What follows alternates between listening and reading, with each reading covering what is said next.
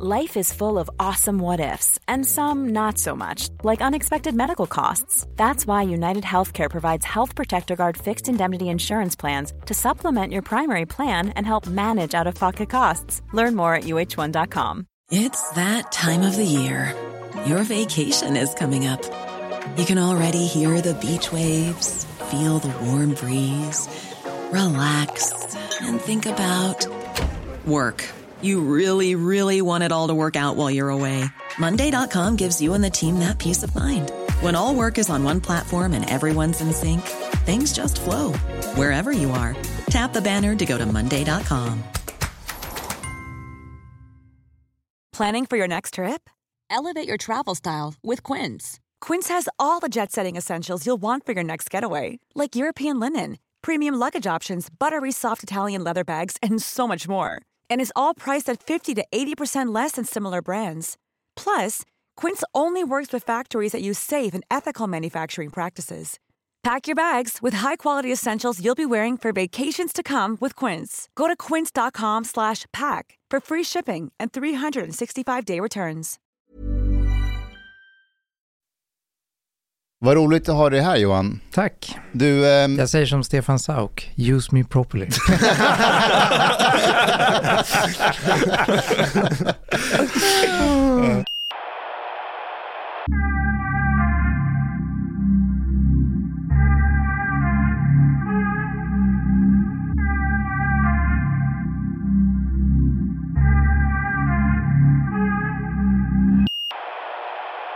Du har ju skrivit två texter som är väldigt intressanta. Visst är båda i Svenska Dagbladet? Ja, precis. Om man skulle kunna sammanfatta dem som att du har skrivit om de onödiga jobben egentligen. Kan inte ja. du berätta lite, vad handlar de här texterna om? Ja, eller de ovärdiga jobben kan man kanske säga.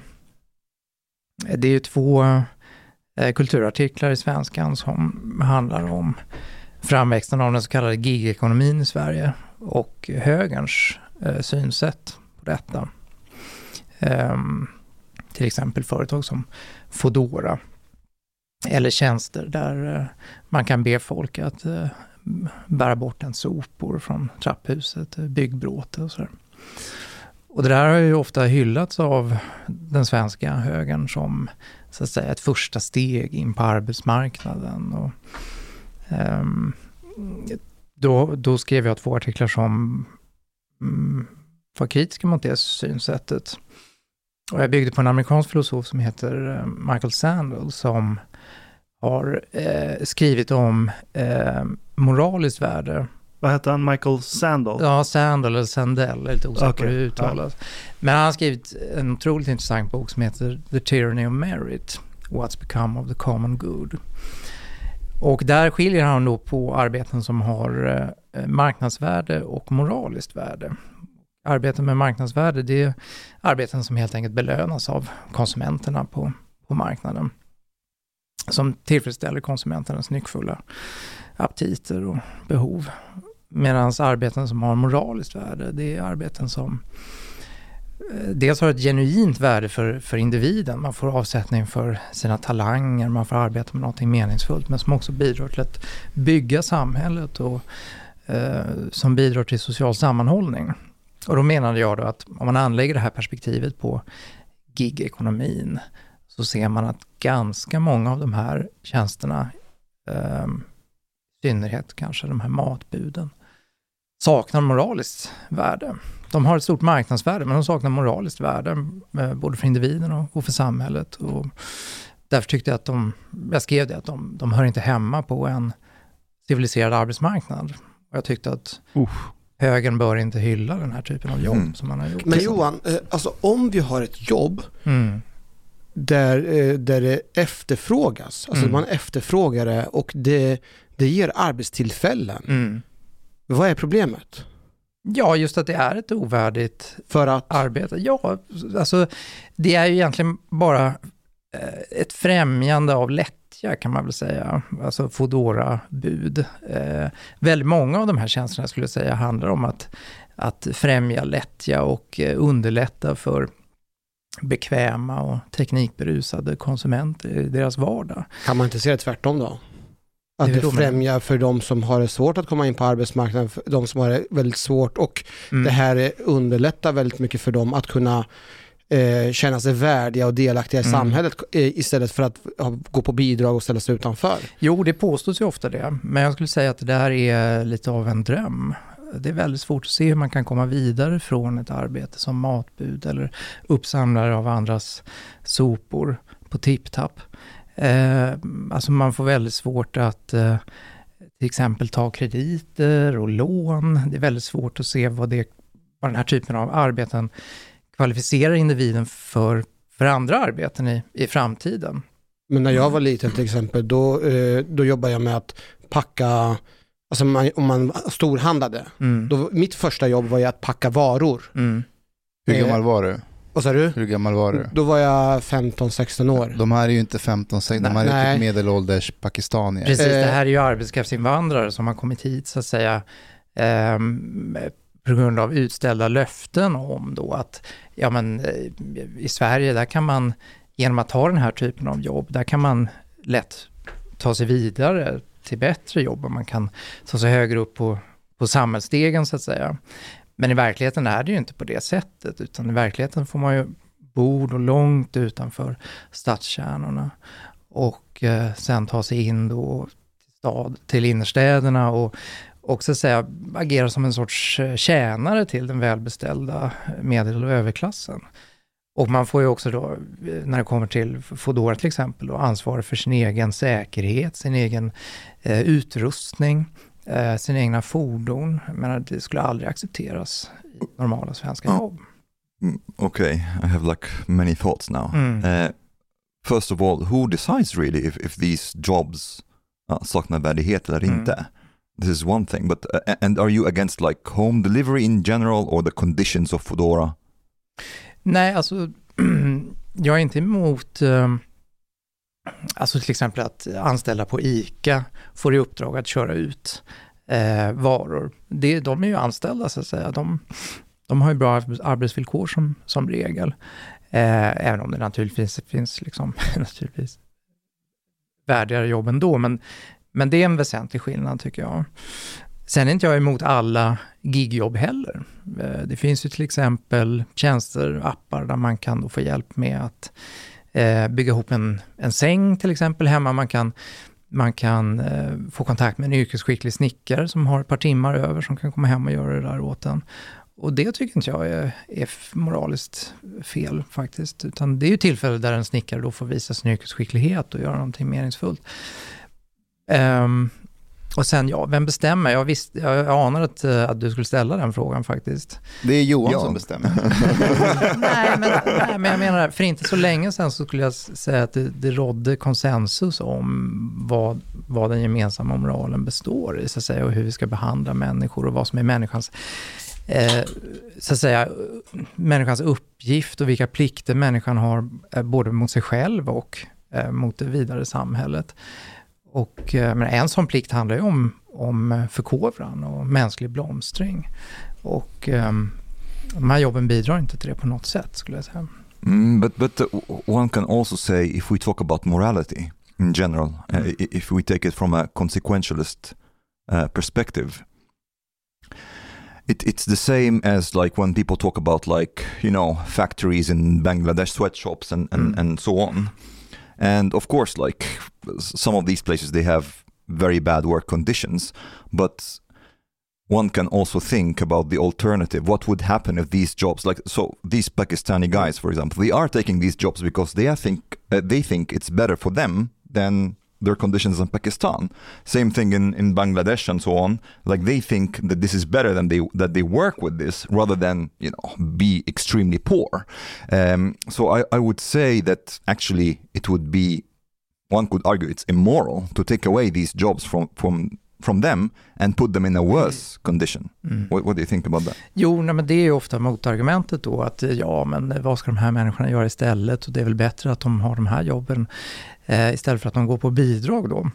Om man tar då de arbetskraftsinvandrare som, som kommer hit eller de papperslösa som kommer hit till Sverige. Men då tycker jag att eh, man istället kan fråga sig om de inte hade haft det bättre om de inte hade kommit hit överhuvudtaget. alternativet kan vara att inte utvandra, så att säga. Utan att istället försöka skapa sig en meningsfull tillvaro där man har sin hemvist, som jag skrivit i de här artiklarna. Och försöka bidra till lokalsamhället. Jag tror att man under, under all, alltså man har bättre förutsättningar att göra det. Där man har sin hemvist, där man har språkliga, kulturella rötter. Um, så att, ja, jag är inte säker på att det bästa för individen är att, att, så att säga, vara en, en gränslös eh, eh individ som kan röra sig överallt och ta vilka jobb som helst, var som helst. Men om det är så till exempel att du är från Bangladesh, eh, du kommer hit eh, och eh, studerar, många av dem studerar, de, och sen eh, i vanliga fall efter att du har pluggat så kan du välja att gå hem, chilla, ta det lugnt, göra vad du vill eller jobba extra. Eh, de här, eh, många av de här värdesätter tiden på ett helt annat sätt. Att vara med och bidra och skapa ett bättre samhälle i sitt mm. eget hemland.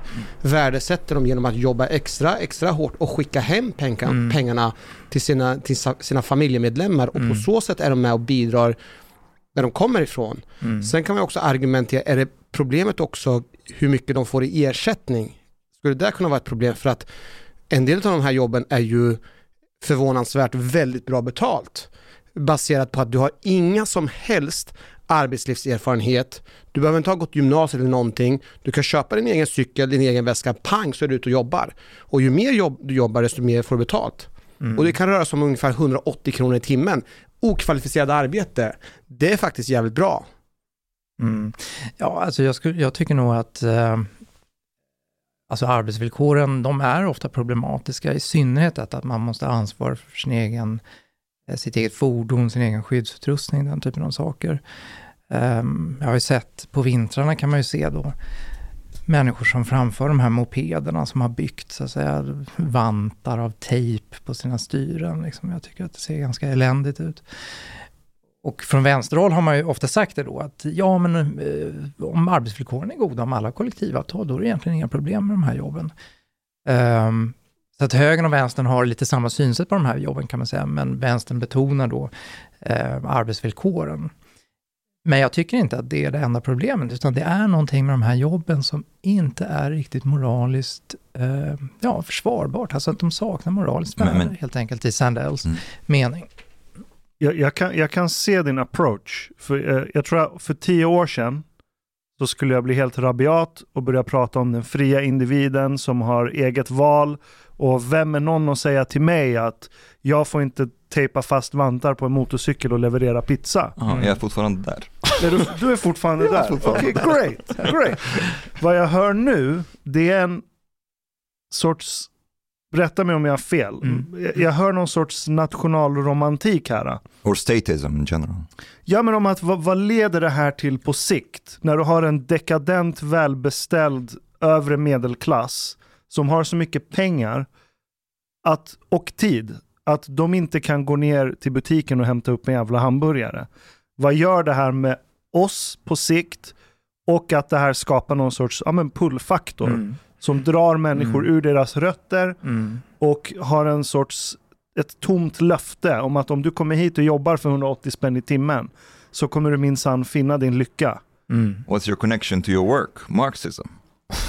Ja, men det, det, är grovt alienerande mm. mm. att ha mm. ett sånt jobb. För inte nog med att du är inte ens en del av det svenska samhället, utan du får skåda det svenska exakt, samhället exakt. bakom ett osynligt glas. Exakt. När du levererar. Mm. Och de flesta trycker ju till och med på ja, men, leverans utan kontakt med Precis. leverantören. Exakt. Du vill inte se den Nej, i ansiktet. Man vill känna skammen. Du känner skam.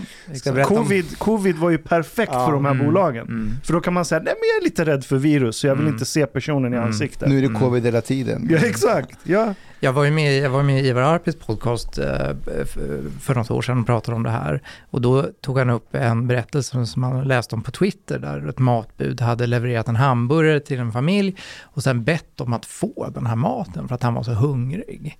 Och, eh, alltså budet? Ja, budet hade bett mm -hmm. om mhm. att få maten. Kan inte jag få den här maten för jag är så hungrig? Och då hade kunden hade skrivit om detta på Twitter tror jag, av medkänsla, utifrån medkänsla med, den här, med det här budet. Då.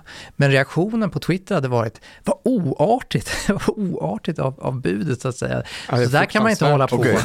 okay. om, man, hade sparkat det. Ja, men jag med. Nej, vi, vi, har redan, nej, vi har redan pratat om det. Ja, vi har redan det, pratat om det och sa att jag skulle ge honom äh, maten. Äh. Skulle du jag skulle sparka, jag skulle det, det, det var han som sa att han kommer inte ge honom sparka. Alltså, han, har ju, han har inte fullföljt sina plikter. Ja, nej, det är inte där. jag tycker det, det visar någonting, alltså, det säger någonting om vad den här typen av tjänster gör med oss som människor. Det som du var inne på, att vi får ett väldigt alltså, instrumentellt synsätt på andra människor. Och vi får en uppdelning av samhället i så att säga, en välbeställd klass som beställer de här tjänsterna och sen en, en, en, en sorts underklass eh, av människor som utför dem. But Johan, I, I still cannot like I think it would be really uh, morally wrong to deprive them of these jobs. Like even even if you would say, okay, this money that you're making now and these conditions are bad for you, even if that Pakistani guy is saying, well, the alternative for me is definitely worse. I'm telling you, mm. I would prefer that mm. to like being back in Pakistan. Mm. I would be more hungry in Pakistan,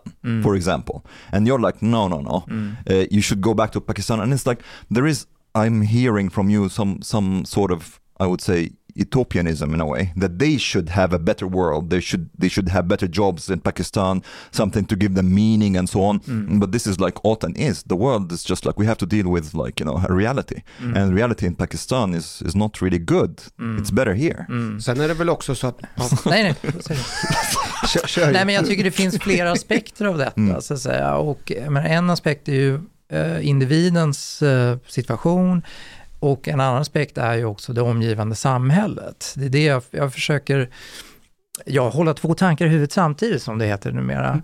Mm. Eh, att också reflektera över vad, alltså hur påverkar det här vårt, vårt samhälle? Och jag är inte säker på att det är helt av, av godo, måste jag säga, just av de, av de skäl jag varit inne på. Så, att, så att jag tycker inte det räcker att säga som du gör, att ja men Eh, om, om, om individen på ett övertygande sätt att det här, säger att det här är det bästa för mig, ja då måste man acceptera det. Det, det tycker jag inte faktiskt. Men vem är du att frågasätta individerna som som eh, har valt den här livsstilen. De är här, de jobbar eller de, plugg, de pluggar och sen på sin fritid när jag sitter och pillar med naven och kollar på Netflix mm. så väljer de här att jobba för att de har helt andra inställningar till livet och skickar pengar till sina, hem, eh, till sina, till sina familjer. Vem är, vem är mm. jag eller du att bestämma att det där är moraliskt fel? Mm. Men är det verkligen på det sättet då som säger att alla är studenter som skickar hem pengar till sina familjer? Ja, det är jag skeptisk till Ja, också. det måste jag också säga. Jag du, är ändå, du är ändå polis och du måste ju ha sett så att säga, det enorma utanförskap som frodas liksom, i globaliseringens skugga i Sverige. They're not alltså, forced into it. En del är säkert studenter, men långt ifrån alla. Definitivt, men jag tänker bara att att själva idén att man mm. själv väljer att prioritera sin egen fritid och vad mm. man väljer att göra med den. Mm. Eller att man väljer att prioritera att man bor, eh, bor trångt. När jag, bodde, när jag var student och bodde i Norrköping, då var det två mm. stycken bangladeshare som bodde tillsammans i en studentetta. De studerar på dagtid, på kvällarna så jobbar de för McDonalds och städar rent och så. Mm. Jag tyckte det var egentligen fruktansvärt att de gjorde det. Jag tänkte shit, varför kan inte de bara vara, ha det lika glidigt som jag har det? Men vem är jag och bestämma vad de ska det, göra på Jag undrar sin... om det inte är lite, lite naivt, ärligt talat, att prata om val och prioriteringar i det här fallet. Det är sant att, att människor som arbetar för Foodora inte, inte tvingas till det. Men jag skulle säga att det är en gradskillnad, snarare en artskillnad mot det utnyttjande som finns inom till exempel byggbranschen och restaurangbranschen. Utan det här är människor som har kommit hit, så att säga, som tror jag har köpt lite den berättelse som vi har berättat om globaliseringen de senaste 20 åren. Att eh, globaliseringen är god och alla kan bli vinnare i den om man bara visar framfötterna, visar framåtanda. Det är alltid bra och positivt att lämna sitt sociala sammanhang för en rotlös tillvaro någon annanstans. Och man tror då att man kommer hit och kan få ett bättre liv. Men det är inte nödvändigtvis så. Man kan faktiskt på vissa sätt få ett sämre liv. Åtminstone när det kommer till de sociala aspekterna av livet. Okej, så här, jag, jag, jag, jag, känner igen det du beskriver. Jag, jag, ska, jag ska ge ett annat exempel. När jag mm. gick i Växjö på universitetet, eh, du vet, polisutbildningen och Växjö universitet är ju samma liksom, ställe, det är campus. Och, eh, och då hade vi en massa utbytesstudenter där, eh, många från Indien. Ehm, och de här unga killarna, eh, de sket i att skaffa egna bostäder. Eh, och istället bodde de på universitetet. What? Eh, ja, för universitetet är alltid öppet. Du kan gå ut och in hur du vill. Alltså, Just det, det finns duschar också. Exakt. Ja. Så de sov i Ah. de salarna de under dagarna hade föreläsningar i. Ah, is this allowed? Eh, Nej. egentligen inte, men det är öppet hela tiden och alla kan gå in på två på natten och bara jag vill plugga och så sitter man i de Right. salarna. Så de sov där och på, på, på nätterna, typ när vi kanske hade varit ute och tagit någon öl, så kunde man gå genom campus hem, för det var lite enklare istället för att gå runt. Du vet, då luktade det curry Mm. genom gångarna. Det luktade, Fruktansvärt. nej men det luktade popcorn, för de, de kollade på filmer och du vet, de bodde ju där. Det gick inte att köpa köttbullar. Nej, men jag ska Jimmy bara- moment deluxe. Nej, nej, nej, nej, det här är inte Jimmy. Jag vet inte. Det här är ändå ambitiösa personer. Men, men min, min poäng är att det var, det var två delade reaktioner. Det var en, eh, en så här del som vi kan kalla det för Annie Lööf och Fredrik Reinfeldt-delen. Moment. Nej, nej, nej, inte moment. Yes, yes, no, förstår. Ja, Mm. som Fortsätt. tyckte att wow, Vilken grej. jäklar, de här personerna, de, de, det här är ambitiösa personer som sparar pengar, de har ett mål i livet. Och så var den andra delen som mig som fick lite så här, jag vill inte ha det här i Sverige. Mm. Jag vill inte gå igenom universitetet och det luktar curry på nätterna. Mm. Jag vill inte att det luktar apa i... Nej men lyssna, inte, inte så. Hallå, vänta.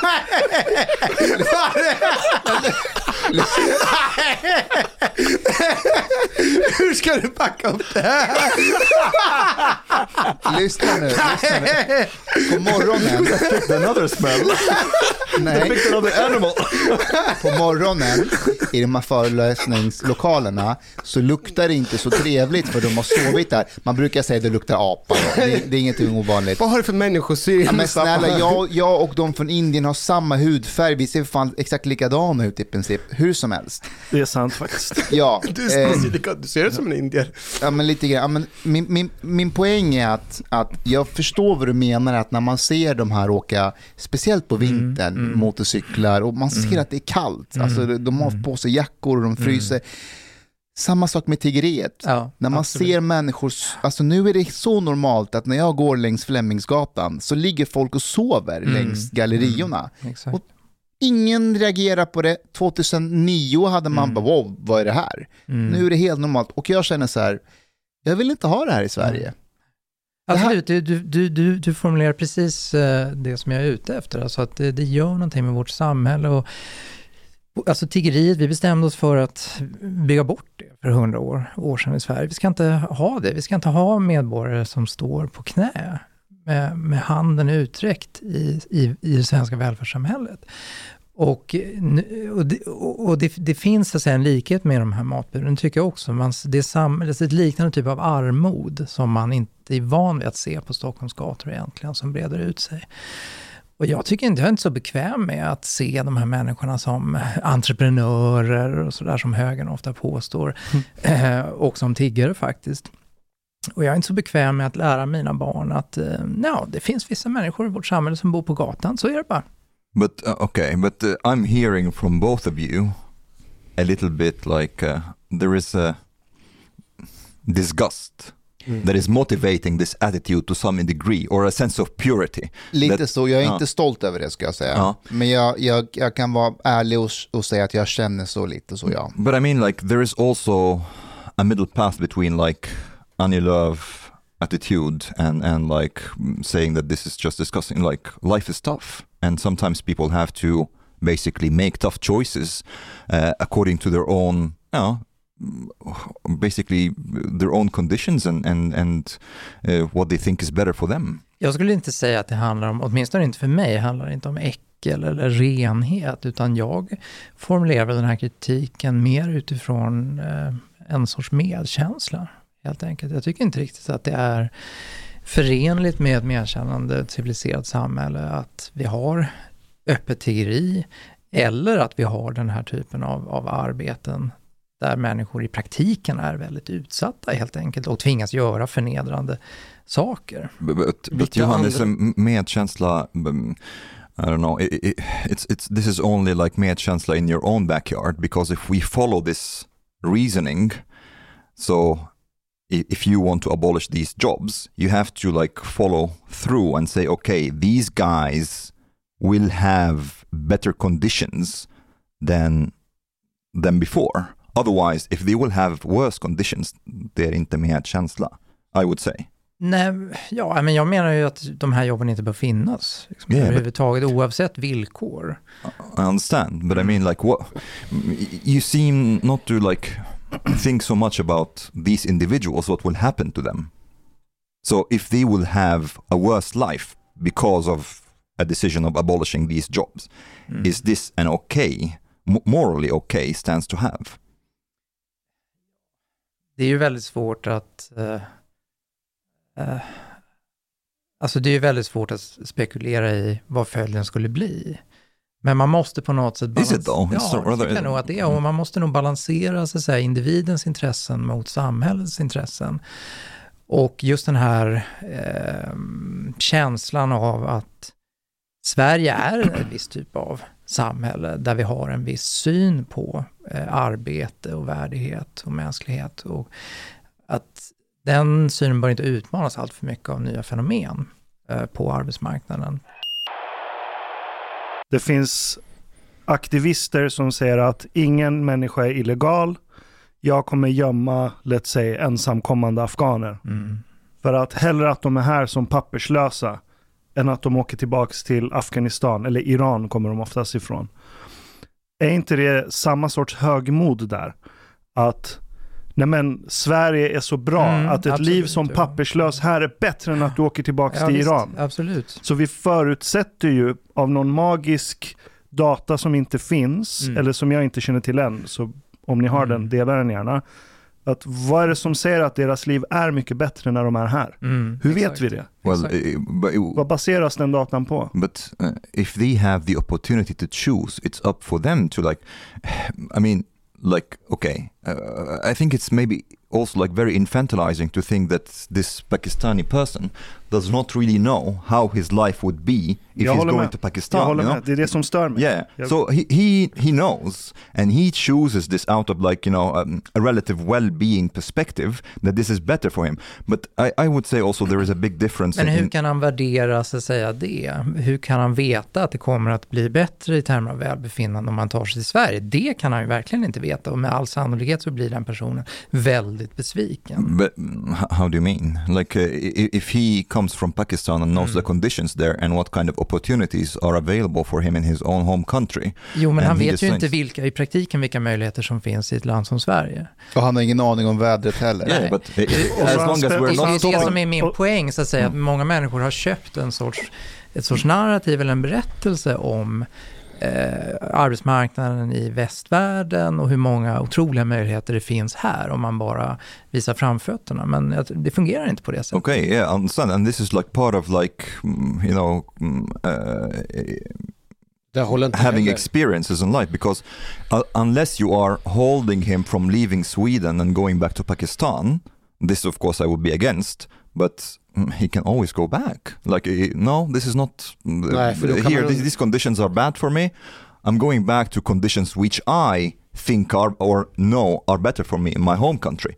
And there ta must be some guys who have done this. Eller ta, eh, låt säga att jag väljer att eh, satsa på ett nytt yrke. Jag går utbilda mig två, två och ett halvt år. Jag vet inte vilka förutsättningar det nya yrket kommer innebära. Mm. Jag, jag san, eh, chansar lägger tid för att testa det nya yrket och se, är det, funkar det här för mig? Funkar det inte? Så får jag återgå tillbaka till någonting annat och jag tänker det är också en del av livet. Ja, alltså det är väl en sak om, om man vidareutbildar sig och, och faktiskt tar sig vidare, men eh, som jag var inne på så tror jag att den här typen av jobb ger väldigt små förutsättningar för att, för att faktiskt kunna göra det. Mm. Och för att överhuvudtaget kunna bygga sig ett liv i Sverige. Alltså bara ta bara en sån sak som möjligheten att få lån eller krediter. Det kan man, kan man inte få om man har den här typen av, av osäkra jobb. Well, part of your argument I can buy the one that has to do with society rather than the mm. individual, mm. because for the individual, I would say whether the state or, or uh, the collective should not decide on what's better for the individual themselves. Mm. Uh, but it's an interesting aspect to think about whether it's better for the Swedish society. Mm. This is something that we, ja, there is a point there. Mm. Is this really better det for, var inne på att, att mm. jag tror att Reinfeldt och Annie Lööf-delen har romantiserat det här så mycket så att mm. man inte vill se den andra sidan. Och så finns de här, du vet, det vi pratar om nu Johan, det, det, det, det är det här du vet, typ Göran Persson, jag ställer mitt eget hem, du mm. vet, därifrån. Eh, att man ser det här och man ser någon slags misär. Mm. Att, okej, okay, vart är det här på väg då? Eh, och man tycker inte att det passar in i, i den svenska bilden av, av, hur, av hur man ska ha, ha, ett värdigt liv. Uh, uh, yeah, well, uh, I agree and there could be some point there and I would call this national egoism and not necessarily in a bad way. I mean, like you're thinking about your nation or your society that, okay, we think that for Sweden, this is not good. We don't have to talk about like the, the Pakistanis who are delivering food because probably for them it's better. But if you want to focus on Sweden, the Swedish society, there is a point there. Alltså är det inte jävligt skönt? Alltså, igår, jag var, alltså, jag var lat. Jag satt hemma, eh, orkar, alltså, jag, hade, jag har till och med så här eh, Hello Fresh-mat.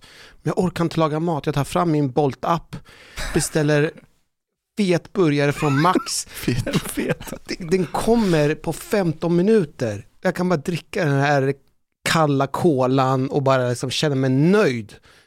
Och det här är fan bra för Sverige. ja, för om dig, jag är, om, ja, men kolla här, jag går på kvällen, jag lägger mig mätt och belåten och jag är nöjd. Jag kommer prestera bra på jobbet och allting. Det gynnar alla. Det gynnar alla. Vad, vad är problemet? Jag fattar jag, jag, jag är för snobbig för att beställa från Bolt och Uber. För att jag litar inte på att maten är i samma state som när, den till, som när jag får den på plats. Den blir kall och slafsig. Ja, exakt. Och speciellt med pom pommesen. Och ham så jag, jag beställer aldrig, jag har aldrig gjort det tror jag. Mm. But one, one can take this like uh, one step further as well and say, well, if we are getting too lazy, this is not good for us, we should go to the, like the restaurants and get food. We might as well say, well, it's better if we cook home and don't mm. buy food from restaurants. Ja, mm. så att de kan gå under. ja. Mer verksamhet. Mm. Men det är också en fråga om, så att säga, Eh, eh, inte bara individens eh, materiella fördelar. Alltså, jag tycker att vi i väst, och det är ju Sandells poäng då, att vi i västvärlden har fått en ganska torftig och materialistisk syn på arbete. Att det, det är bara liksom det här med Ehm, ja, lön och, och, materiella villkor och möjligheten att ta sig vidare på arbetsmarknaden som spelar roll. Men en minst lika viktig, om inte viktigare aspekt av arbete, det är ju så att säga känslan av eh, mening och känslan av att man får avsättning för sina talanger och att man kan göra någonting som är värdefullt för andra människor också och inte bara gynna sig själv. Och eh, om man anlägger det perspektivet på de här jobben då, då är de så att säga inte, inte så värdefulla helt, enkelt. Kan vi fortsätta? Och det kan vara, det kan ja. vara ganska enkla jobb ändå, va? Som, som kan ge mening till mm. både individen som utför dem och till andra människor. Till exempel städning kan jag tycka, det, det kan verkligen vara ett hantverk. Alltså jag tänkte direkt på Mustafa. För att å ena sidan, ja. det här är på riktigt, mm. först så hade han ett jobb som var väldigt meningsfullt. Han var, han var polis, han var på, ute på gatan, han ställde saker och ting till rätta. Men utifrån den aspekten så valde han eh, att göra, liksom, hålla på och föreläsa, resa runt, mm. som inte är lika meningsfullt men generera mer pengar. Mm. Och, och jag tänker också att det är tråkigt för samhället. Alltså vi borde ju liksom få gå tillbaka till att vi gör... Till att jag blir polis? Alltså så att man har, alltså, det är där Johan är inne på, att vi mm. måste ha eh, jobb som är meningsfulla och bidrar mer till samhället. Mm. Vad, är det vi, vad är det för någonting vi gör egentligen när man är ute och föreläser? Man håller på att liksom, inspirera, man berättar det ena och det andra. Alltså, Men vad ger det egentligen? Du och jag har haft den här konversationen förut och när jag förklarade för dig eh, om, om alla som faktiskt har lyssnat och tagit till sig och vill bli poliser så har du sagt okej okay, det du gör är rätt meningsfullt. Det är lite meningsfullt men det viktigaste det är brotten, kriminaliteten som är grundbulten i samhället. Yeah, but if we also like, if we take just Swedish police and how criminality has been going, I don't know. Så är det viktigt att han går tillbaka till jobbet som men, polis. Låt, låt oss jag såg en, det, var en, det var en ganska intressant dokumentär om eh, svenskt arbetsliv i, eh, det var en, en serie kortfilmer som gick på SVT för eh, ja, något år sedan. Och eh, en film skildrade en lastbilschaufför och det kan man ju tycka är ett ganska liksom, ja, enkelt jobb. Men han satte en enorm yrkesstolthet i det här och sa, nej men, sa på fullt allvar, nej men jag håller Sverige rullande, mm. det är mitt jobb, jag bidrar till landet. Och det där, det där, den där känslan av att man bidrar till att bygga landet, det tror jag är enormt värdefullt i arbetslivet och att man kan få känna stolthet över det man gör. Och det, det, det kan man liksom inte göra riktigt med, med det här med matbud och... Eh, men, men låt oss identifiera den bråter, gränsen då. För, mm. för jag, jag, tycker det där är inte bara intressant, mm. det är mm. livsviktigt om vi vill kunna bygga en mm. nation som mm. håller ihop. Absolut. Vart drar vi gränsen för mening och inte? Uh, om jag bara kastar ut ett exempel. Uh, jag är entreprenör, jag smäller upp en pizzeria. Det går bra för pizzerian, jag har inte plats för alla kunder jag börjar erbjuda leveranser. Och så anställer jag en person vars enda uppgift är att köra pizzabil mm.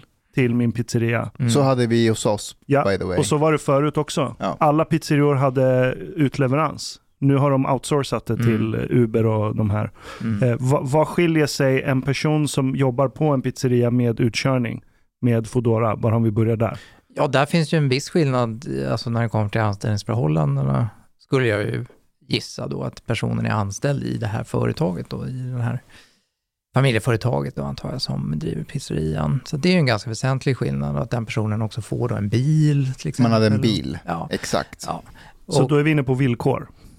Ja, men det jag säger, alltså det finns flera, flera aspekter av det här och, och det, det är såklart en aspekt av, av, av det hela och en som, som skiljer då eh, någon som är anställd i ett familjeägt eh, pizzeriaföretag mot någon som är anställd av Bolt eller inte ens anställd då är det väl ofta i Bolt eller Foodora. Eh, men det är, inte, det är inte det enda som är väsentliga i min poäng. Alltså det är någonting med bilden att när jag är på Menomale på, på, på Kungsholmen, det är en sån fin pizzeria, mm. och så sitter man där och äter, det är fin stämning, det är italienskt vin, alla italienare går runt och pratar. Du är italienare tror du. Och så, och så kommer det en indier in med så här, motorcykelhjälm och en stor fet rosa jacka. Det är inte en indier men... Det är Kesa Mahmoud. ja men alltså Foodora. Mm. Ja, och så ställer de sig i hörnet och väntar på att få... Det är som att de fuckar upp hela stämningen i rummet. Men allvarligt, tycker inte ni det? Han står där med sin motorcykelhjälm på sig i den här restaurangen. Men vi kan förenkla, vi kan, han får inte ens komma in. vi kan lagstifta regler. De får inte komma in i restaurangen. De måste vara utanför, alltså de får maten utanför så att inte du får en dålig känsla. Nej, så men du det, är väl också, det är väl i och för sig den här, den här, det som eh, Mustafa sätter fingret på, är väl just den här känslan av utanförskap att här är en person som inte riktigt är inbjuden i det ja, här. Han är som inte får stå och vänta liksom. Mm. Och, och eh, det är knappt att, eh, att det känns rätt att han står eh, att han är inne i lokalen, för han är väl någon sorts tjänare. Han ska Exakt. väl stå på gatan, vad är han här inne egentligen? Och speciellt på vintern, ja. när de kommer in, du vet när det är väldigt kallt ute de har på sig de här jackorna, mm. när, när, du kliver in i restaurangen, det är ju varmt. Mm det är inte bekvämt för dem när de, om men de står där och väntar. Är det av medkänsla för honom eller för att det ska kännas bra nej, för dig? Nej, det är både och. Det är det här som är grejen. Det är någonting med att man bara, vad är det här? Alltså, den förstör bilden, men samtidigt, shit, det här är en människa. Det, det, ja, det där är en människa. Det är som när jag jobbar som polis, fan jag är ute, det är vinter, det är kallt, jag, fan, Fast det, är, väl en jäkla skillnad på när en polis kliver in i en lokal och Jo, att skillnaden är att han kommer inte få en sten kastad mot sitt huvud till skillnad från Nej, mig. Jag tror inte det. Alltså, jag tror att Mustafa är inne på någonting väldigt viktigt där. Att det här väcker ganska eh, obehagliga känslor faktiskt i en. Att, eh, och, och att det tydliggör ett, eh, ett utanförskap som faktiskt finns i, i samhället. Så att säga. Det, bara, det blir så otroligt uppenbart så att mm. säga, när en, en person i det här utanförskapet stiger in på en fin restaurang på, på Kungsholmen. Liksom. Det blir smärtsamt att, att se det helt, helt enkelt. Men är det inte för att vi inte vet vad som försiggår i budets huvud. För om vi hade frågat budet och budet hade sagt jag får min familj att rulla hemma i Pakistan. Mm. Jag finansierar fem barn, eh, syskon och nu, kan, nu har vi kunnat uppgradera vårt hus. Ja. Det är också en berättelse. Jo, Vad är det för skillnad på visst. den och lastbilschauffören som får Sverige att rulla? Det- För det finns något osynligt lager här som är svårt att sätta fingret det på. gör det. Alltså, Det är som inte skapar enkelt. det. Det känslan. gör det. det du, du, Johan. Absolut, så är det absolut. Alltså, det finns någonting med det här som är svårgripbart. Det, det tycker jag också. Men det är intressant nog så har jag sällan fått så många kommentarer från vanliga människor som när jag skrivit de här två artiklarna. Och alla, då, alla som har hört av sig eller, eller, eller pratat med mig, de har sagt att ja, men, du satte fingret på någonting som jag själv har haft svårt att formulera, men som jag har tänkt på att det känns fel det här. Liksom de här man ser de här på, i stadsbilden och det är någonting som är konstigt. Så tänkte jag när jag Mm. läste dina texter. Mm. Att jag har tänkt på det här, men okej, om det är någonting man inte får se i det här jävla landet, då är det det här ämnet. Nej men på riktigt, för att det är, det är, det, det, det, det säger någonting, motståndaren kan lätt säga så här, är du så pass privilegierad Mm. att du inte ens kan se någon annan människa, han sitter ju och tigger, Mm. de sover, de fryser och du säger så här, det här känns inte bra för mig. Mm. Och du är i princip bortblåst, alltså du, det är inte så mycket du kan kontra med. Mm. Eh, därför kände det så skönt att läsa din Mm. text att shit, jag är inte ensam Nej. om att, om att tänka de här Nej. tankarna. Nej. But, but i- if we stay a bit with that like Men får Pakistani jag, bara, guy. får jag bara säga att, Mm. att jag, kan- jag kan själv tycka också att det kan vara svårt att dra gränser mellan vad som är så att säga, meningsfullt och inte, och, alltså meningsfulla arbeten. Och eh, det är lätt att man kan hamna i väldigt konst, konstlade resonemang, så att säga. men jag tycker ändå att det här är en väldigt intressant och viktig diskussion. föra. Uppenbarligen för att många Mm. tänker på det, Mm. men man har svårt att formulera det. Mm. But but I have like uh, if we say this, we say it's a Pakistani guy, not an Indian guy who is in in this like restaurant, and you're saying that you know like he doesn't like he, he would feel like alienation, and so on. And Ashkan, you're saying, but we don't really know what he's like thinking about. And while we're talking, a notification popped up on my phone. Um, Pakistani opposition leader Imran Khan shot in the leg in one of the rallies. Like, and I'm thinking, like, you know, this Pakistani guy who's like listening to our conversation saying, no, no, it's better for you in Pakistan. Du passar inte in här i, i, Sverige. You know, you will feel alienation and so on. And it's like fucking chaos out, out there. Like in, Jo, men Omar, det, det, det är kaos i hela världen. Yeah, but Men vi har skapat något i Sverige. Har vi någon skyldighet för att ta en liten del av varje kaos och, ha, och trycka in det i vår bild? Och, så, och någon säger så här, måste vi ha det här? Så bara, ah, ah, ah, världen är orättvist och... och, I will tell you something that you won't like. You know, this I can draw a parallel between this and SD, uh, SD retorik. You know, like mm, people, people, de är inte svenska, de, de hör inte hemma i Sverige, they will be alienated, they will be segregated and so on. So, yeah, jag håller med, det här är, det, det vi pratar om är ett Jimmy moment. Jag bara undrar vilka andra tjänster det är. Jag har hemstädning, jag tycker det är skitskönt. Min städare, städerska är ukrainare. men, men det, Hon ska inte finnas här heller. Nej, men jag sa ju precis det, att städning tycker jag, är en- om det utförs väl av en, person, nej, men, av en person som verkligen vet, vet vad hon eller han gör, I som sätter en stolthet i att städa i andra människors hem, då tycker jag att det är, det är en jättebra tjänst. Och jag tycker inte alls att det finns något fel med det. Väldigt tillfredsställande att faktiskt städa och se Ja. resultatet. Mm. Absolut. Jag skulle välja det varje dag framför I would rather deliver food. Jag med. på riktigt. Ja. Jag har berättat en gång när jag lev, eller fick mat Mm. och sen i början när jag hade så här dåligt samvete då kommer jag ihåg att jag skulle liksom eh, stilla mitt samvete genom att ge dricks.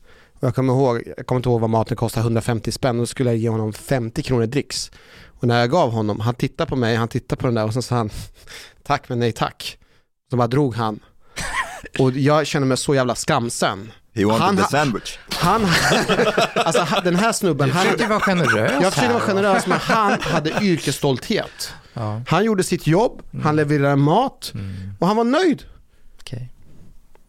Bra ursäkt för att inte ge dricks i framtiden. Ja. Yes, sen dess har jag aldrig gett dricks. Fast det är liksom inte, alltså jag tycker, eh, vem, om man ska vara krass så kan vem som helst leverera mat. Ja. Ja, Ja. så att vad, vad finns det för yrkesstolthet att sätta i det? Alltså hur kan man motivera och säga så här, att det jag gör det är vad var det Tegnell kallade det för? Samhällsviktiga jobb? Ja. Samhällsnödvändiga? Vad var det han Ja, sa? man är knappast en frontline worker.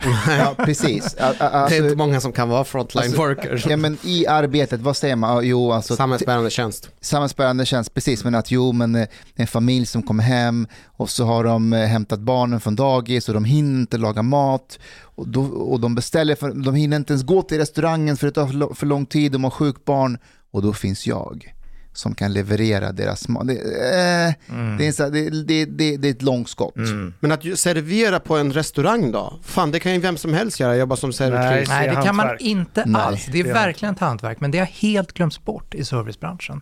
Tala med äldre se- servitörer och servitriser så ska du få höra någonting helt annat. Absolut. Och John Cleese, såg ni det när han var uppe i landet i Luleå eller Umeå? Han har ju någon turné där.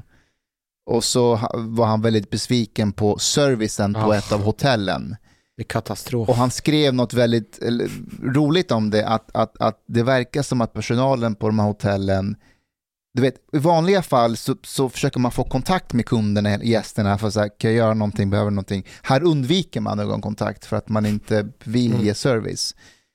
Och någonstans man faktiskt är väldigt bra på service, det är på. Grand Hotel. Alltså jävlar, men på riktigt. Där har du människor som ger dig service, de finns där för dig. Eh, De, alltså, man kan gnälla på en del, men fan vad de är service-minded. Vad gör du på Grand Hotel? Nej, men det har hänt att jag har ätit någon lunch där någon gång. En pakistan, eller menar en afghan. Okay. Men, Men, Johan, men på tal om att det är ett hantverk. Mm. Ja, ja, men det, det, Ja, det är sant. även det- som till, är till synes enkla jobb kan verkligen Ja. vara ett hantverk som man kan sätta väldigt mycket stolthet i. Men matbud faller inte i, inom den kategorin helt enkelt. uh, I wonder what's your view, not not economically, but socially and, and morally on, on the idea of universal basic income, for example. Mm. because mm, uh, there could be very soon a reality where truckers are not needed anymore. It's Mm. like self-driving Mm. cars, for example. Or if you look like enough towards the future with automation and so on, it- it's possible that there's a scenario where automation will be at such high degree that a lot of jobs, will, a lot of people will be redundant basically in the labor market, Det and we have to do something with En them. bra fråga. Ja. Jag tycker att Förklara det är... gärna först vad det är, Ja, universal basic income. Precis. Eh, Man brukar säga medborgarlön på svenska. Mm. Och det är ju traditionellt då i den svenska politiska debatten ett förslag som har förknippats mycket med Miljöpartiet och, och vänstern så att säga. Men åtminstone i USA så är det ju många tongivande intellektuella, även på högerkanten, som har börjat omfamna det här. Andrew Yang, for example. Ja, Mm. Charles Murray är ett annat exempel.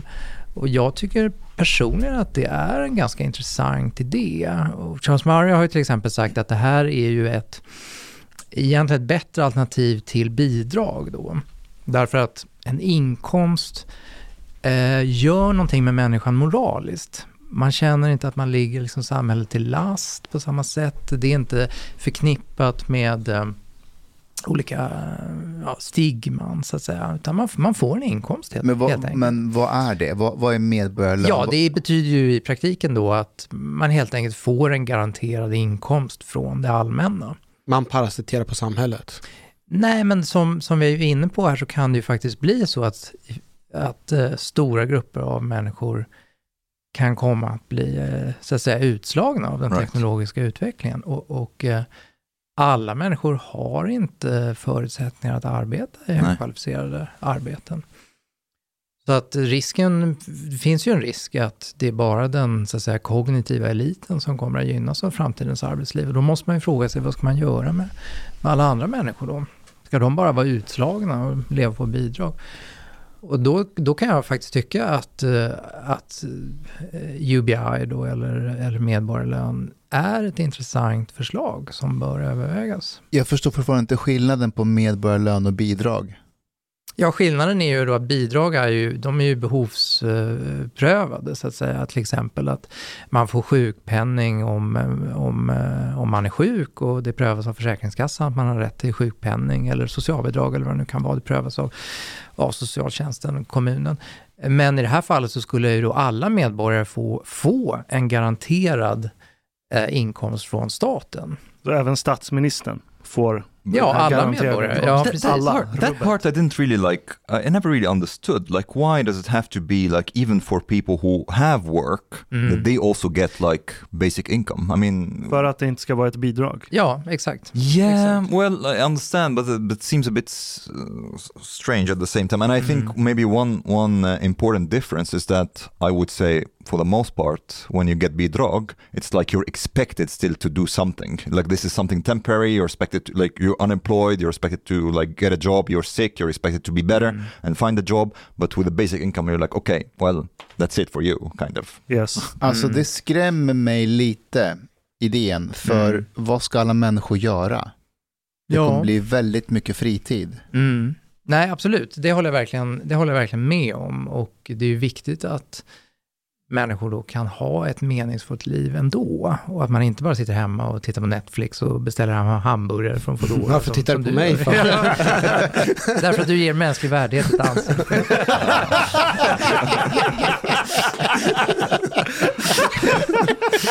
but, but Nej, men så, så det är verkligen jätte, jätte, jätteviktigt. Alltså, och, och, det behöver man reflektera över helt enkelt. Hur ska människor ändå känna livsmening och inte bara slösa bort sin tid? Can't we suggest that we do like a full circle and we say to people, okay, well, everyone who who is not like fitting to the system right now, the human experiment is over. You guys go back to hunter-gatherer life, go out and hunt. This could be a fun Men det, det är någonting med grejen att Alltså jobb är ju mening. Mm. Det, det, är det vi, vi liksom har fått sen modersmjölken, att du måste arbeta. Mm.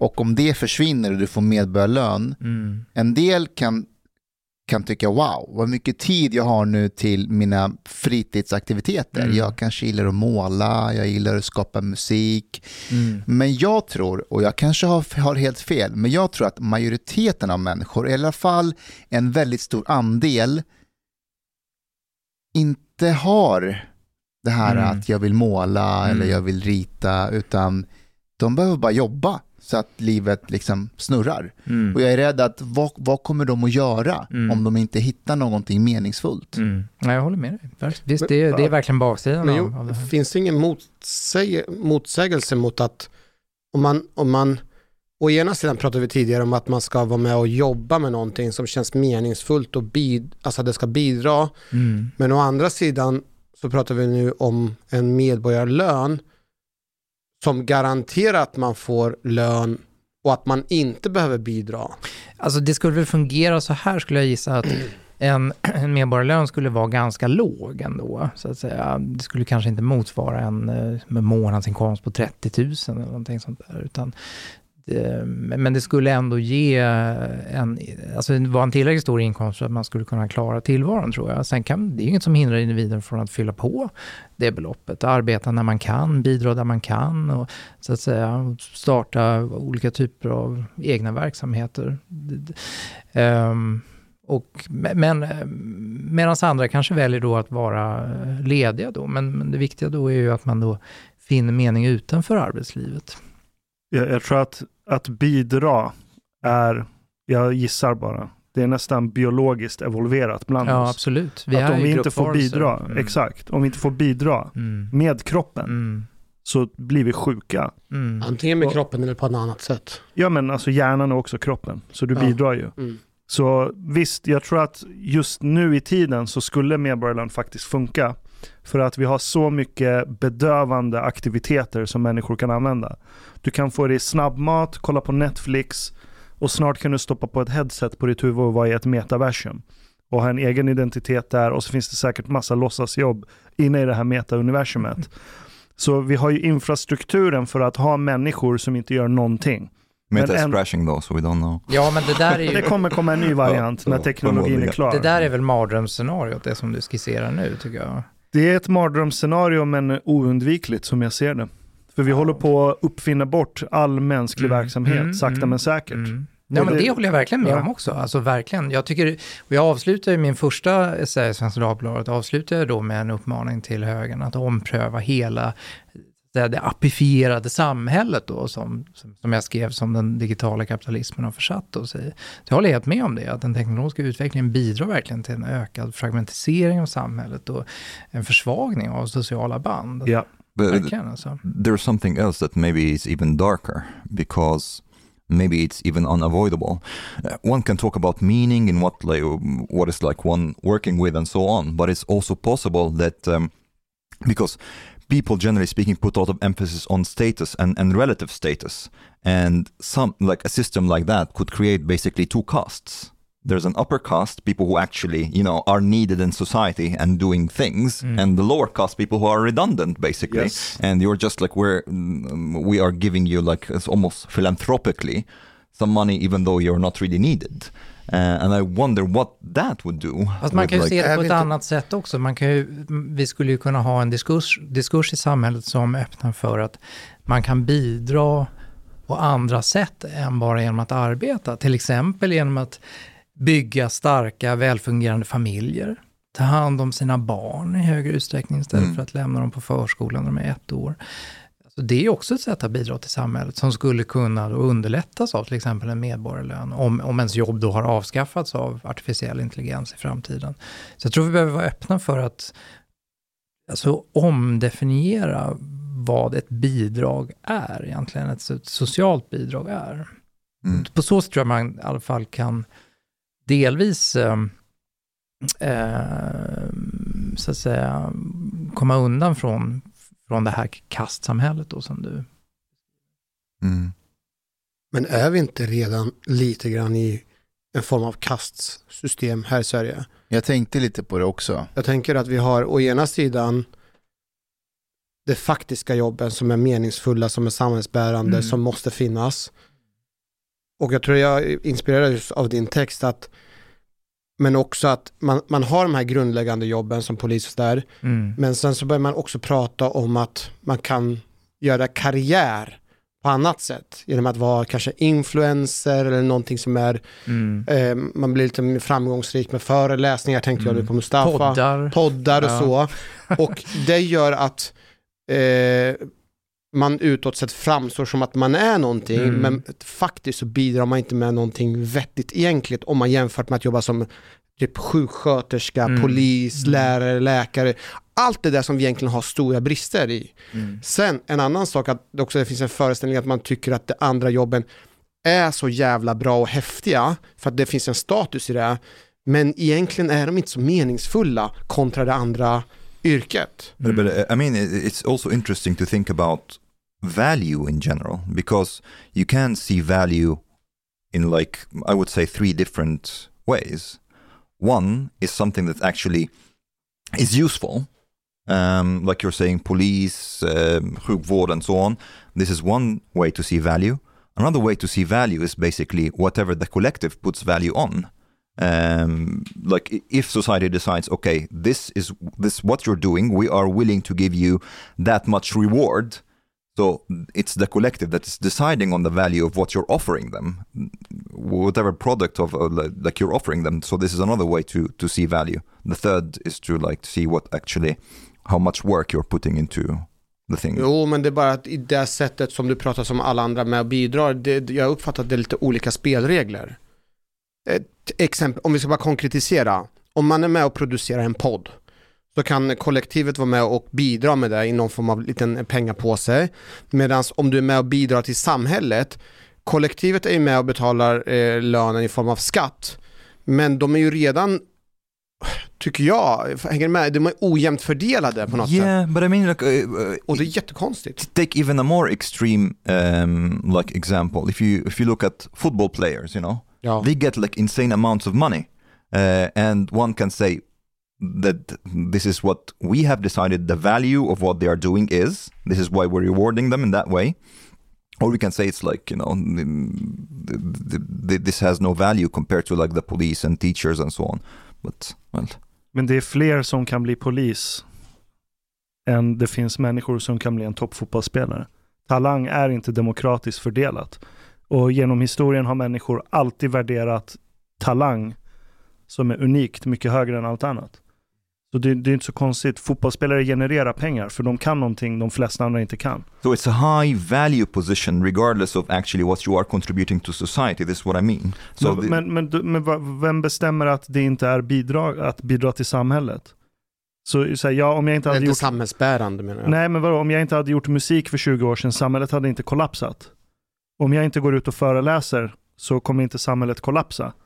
Det är ingen samhällsbärande, men det är underhållning. Ja, alltså jag, jag, jag är en underhållare på scenen. Jag, en, jag lever inte under någon myt att jag upplyser folk och räddar världen. Det är edutainment. En pappa som går till en fotbollsmatch med sin son och delar den upplevelsen med sin son. Eh, och sen går hem och så skapar de en tradition av att de hejar på det här specifika laget och de känner när de förlorar och vinner.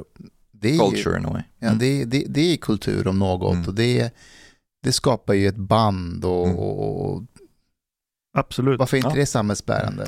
Jo, jag menar, det, det, kanske, nej, jag tänker att, jag tänker, jag kanske tänker fel, men jag tänker inte att det är lika meningsfullt arbete. Om något är det ju det, det är meningsfullt att ha det med sin, med sin son. Ja, jag menar, när fotbollsspelaren som spelar fotboll, det är inte, menings, det är inte lika meningsfullt det är ju det meningsfullt om det blir ett verktyg som en förälder och ens barn kan använda för att skapa en relation med varandra. Mm. Jo, det kanske det kan vara. Mm. Or if you if you're fine, like, do you mean like from the perspective of the football player or from the perspective of society now? Från fotbollsspelarens perspektiv. Uh, well, uh, uh, there, the thing is like there's no really objective meaning about life. Like meaning is whatever you you make yourself of it. Like if if if they think that if that football player thinks that um, it's there's a lot of meaning in what he is doing. Men jag, jag tänker alltså mening i, i, i, på så sätt att man är med och bidrar till samhället och bygger upp samhället. Och Men det att... gör han ju. Ta, ta Ronaldo till exempel. Han köpte nu ett hus för 220 miljoner i Portugal. Den behöver renoveras. Då kommer det hantverkare hem till honom, de fixar, han betalar och han ska få jobb. Fast vet du vad? Han får inte... Okej. Okay. Du har lyssnat så här långt. På sista måltid. En mycket fin radioprogram i Sverige. Du tycker det är mycket trevligt. Men, min vän, lyssna på mig nu. Du har inte betalat bilet på klubbzista måltid. De har blate grabarna dom behöver pengar. Flis. Lax. Stolar. Dirabilar. Lix hotel. Du vet. De måste du betala om du ska lyssna Du får man flera avsnitt också. Paket erbjudande, helt enkelt. Les i beskrivning för avsnitt, där det finns information för att bli medlem på klubzista måltid. Det kostar som en mycket liten kafe late ute på torget. Per månad. Lätt som en plätt. Tack,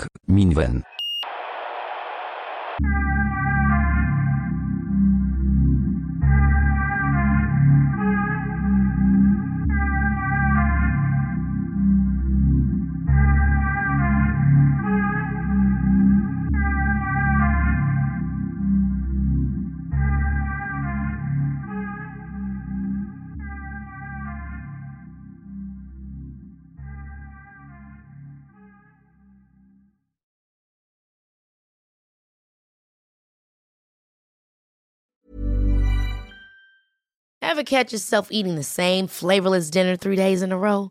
Dreaming of something better? Well, HelloFresh is your guilt-free dream come true, baby. It's me, Gigi Palmer. Let's wake up those taste buds with hot, juicy pecan-crusted chicken or garlic butter shrimp scampi. Mm. Hello Fresh. Stop dreaming of all the delicious possibilities and dig in at HelloFresh.com. Let's get this dinner party started. Planning for your next trip? Elevate your travel style with Quince. Quince has all the jet setting essentials you'll want for your next getaway, like European linen, premium luggage options, buttery soft Italian leather bags, and so much more. And is all priced at 50 to 80% less than similar brands. Plus, Quince only works with factories that use safe and ethical manufacturing practices. Pack your bags with high-quality essentials you'll be wearing for vacations to come with Quince. Go to quince.com slash pack for free shipping and 365-day returns. Imagine the softest sheets you've ever felt. Now imagine them getting even softer over time. That's what you'll feel with Bowl and Branch's organic cotton sheets. In a recent customer survey, 96% replied that Bowl and Branch sheets get softer with every wash. Start getting your best night's sleep in these sheets that get softer and softer for years to come. Try their sheets with a 30-night guarantee. Plus, get 15% off your first order at bowlandbranch.com. Code BUTTERY. Exclusions apply. See site for details.